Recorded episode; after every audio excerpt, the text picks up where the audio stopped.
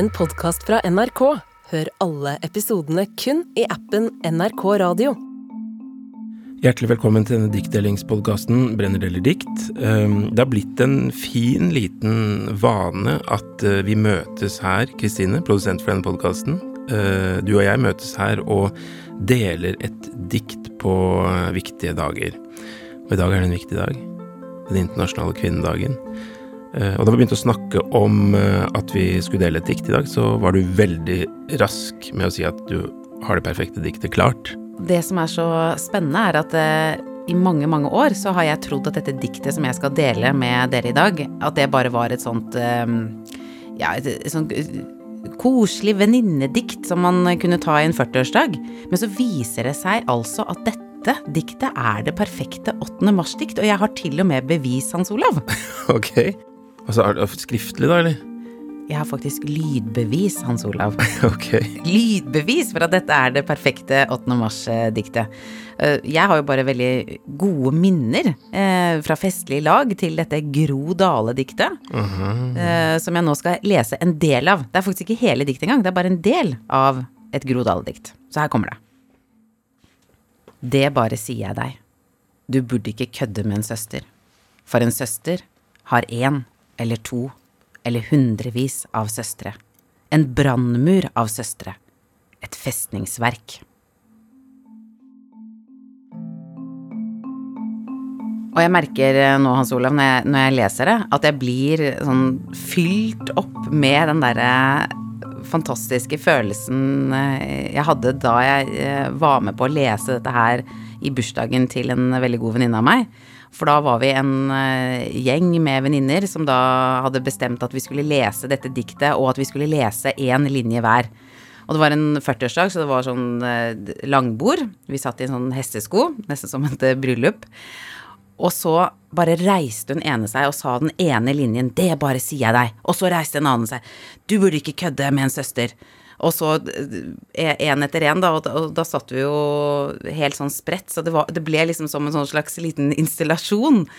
Eh, og, og det er jo det er et utrolig kort dikt, vi sa jo bare en linje hver, men det var ekstremt effektfullt. Og, og, og det var som en sånn der, sånn skikkelig Sånn derre dikt-flashmob. ja, det var en diktflashmob. og og det, var, det var på en måte som en sånn slags eh, Ja, at vi følte på en måte at vi var dette festningsverket, og da sto vi på en måte opp der, eh, alle vi fem, og bare så på hun som hadde bursdag, og bare 'Vi er der for deg'. Og det føltes veldig sånn derre ah, vi, Et venninnedikt. Søsterskapet, liksom. Men på venninneplanet. Eh, men så hadde jo ikke jeg tenkt eh, at det var noe mer enn det. Men det Eh, ble veldig Det var jo veldig rørende, da. ja, det var veldig rørende. Og eh, Men hvordan reagerte bruden, holdt på å si, 40-årsjubilanten? Hva er det, da? Nei, hun eh, Det, det var tåre, selvfølgelig. Tåre eh, ned, og så eh, kjempefelles eh, klem. Så det var veldig, veldig, veldig fint. Så jeg kan anbefale å bruke dette diktet på denne måten. Ja, og historien kunne, kunne endt der, men dette diktet har da tydeligvis fått uh, enda større mening for deg nå akkurat de siste dagene, de siste timene, for alt jeg vet. ja, og det er eh, fordi vi hadde uh, kvinnen som har skrevet dette på besøk, Gro Dale.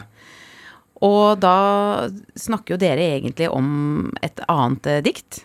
Ja, vi inviterte henne jo av mange gode grunner, da, men for å snakke om disse såkalte søsterdiktene som det er mange av, og hvor hun da belyser søsterskap fra mange ulike vinkler, egentlig.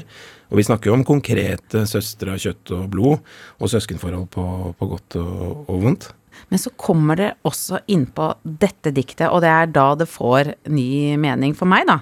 Eh, Og her kommer lydbeviset, Hans Olav, for at dette diktet er det ultimate 8. mars-diktet. Jeg skulle lese opp eh, på 8. mars på høyskolen, eh, altså Oslo Met. Da var jeg midt inne i denne søsterskrive-flowen. og da, da kom de politiske søstrene. og de, de, de, det er et fellesskap, det.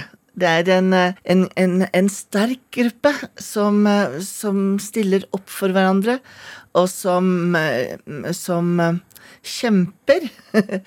og som, som forstår hverandre, altså sånn både ja, ja, sånn sosialt da, og sosiologisk.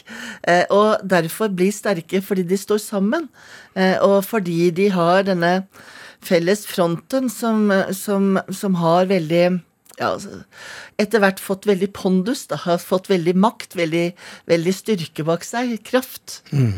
Og det er fint. Det er fint.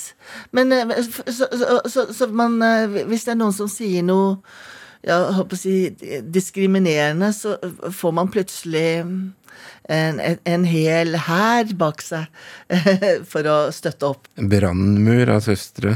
Et festningsverk. Ja, men selvfølgelig, altså, nå er vel jeg feminist, men man kan, man kan godt tenke en hel drøss med områder hvor man kan jobbe mer med, med feministiske verdier. Men allikevel så er det den, den søsterskapen da, som jeg tenker eh, er en er en, en, positiv ting. Når man tenker brødreskapet mellom menn, da, eh, da er det noe helt, helt annet. Eh, og, og, og, det har ikke den samme politiske statusen på den måten.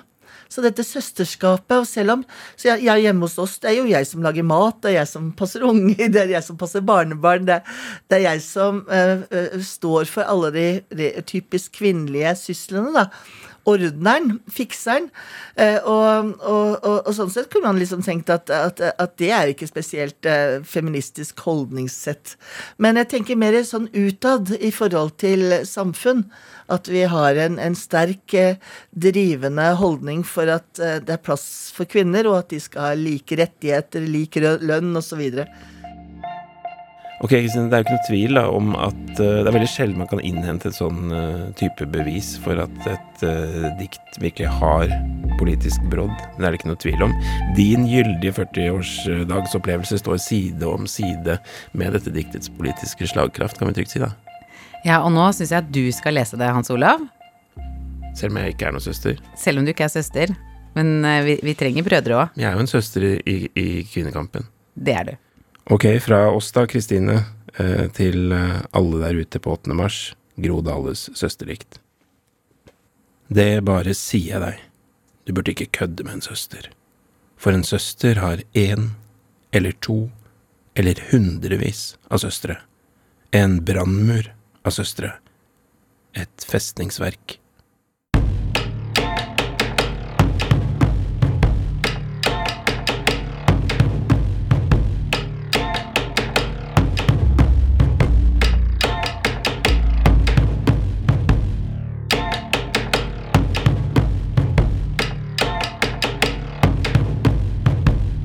Du har hørt en podkast fra NRK. Hør alle episodene kun i appen NRK Radio.